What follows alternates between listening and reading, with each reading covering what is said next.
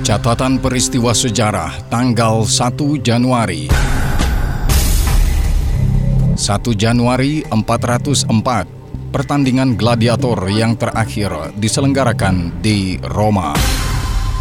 Gladiator adalah petarung bersenjata yang melakukan pertarungan untuk menghibur para penonton di Republik Romawi dan Kekaisaran Romawi.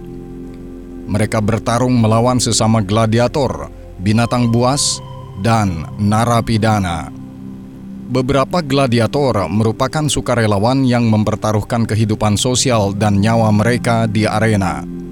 Sementara sebagian besar gladiator direndahkan sebagai budak, dididik secara keras, terpinggirkan secara sosial, dan dipisahkan bahkan setelah mati. Terlepas dari asal-usul mereka, gladiator memberikan contoh etika pertarungan Romawi kepada para penonton, dan ketika bertarung ataupun ketika mati, mereka dapat menimbulkan kekaguman dan pujian. Mereka digambarkan dalam seni kelas atas maupun kelas bawah, dan nilai mereka sebagai penghibur dikenang dalam objek-objek berharga dan biasa di penjuru dunia Romawi. Asal mula pertarungan gladiator tidak diketahui secara pasti.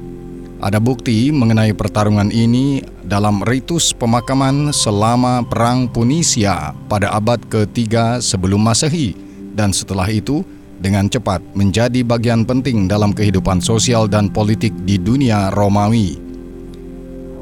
Ketenarannya membuatnya berkembang menjadi tontonan yang jauh lebih mahal dan mewah yang disebut pertandingan gladiator. Pertandingan ini mencapai puncaknya antara abad ke-1 sebelum Masehi dan ke-2 sebelum Masehi dan mulai menurun pada awal abad ke-5 Masehi setelah diterimanya Kristen sebagai agama negara pada tahun 390-an. Meskipun perburuan hewan buas atau venationes terus dilakukan hingga abad ke-6 Masehi.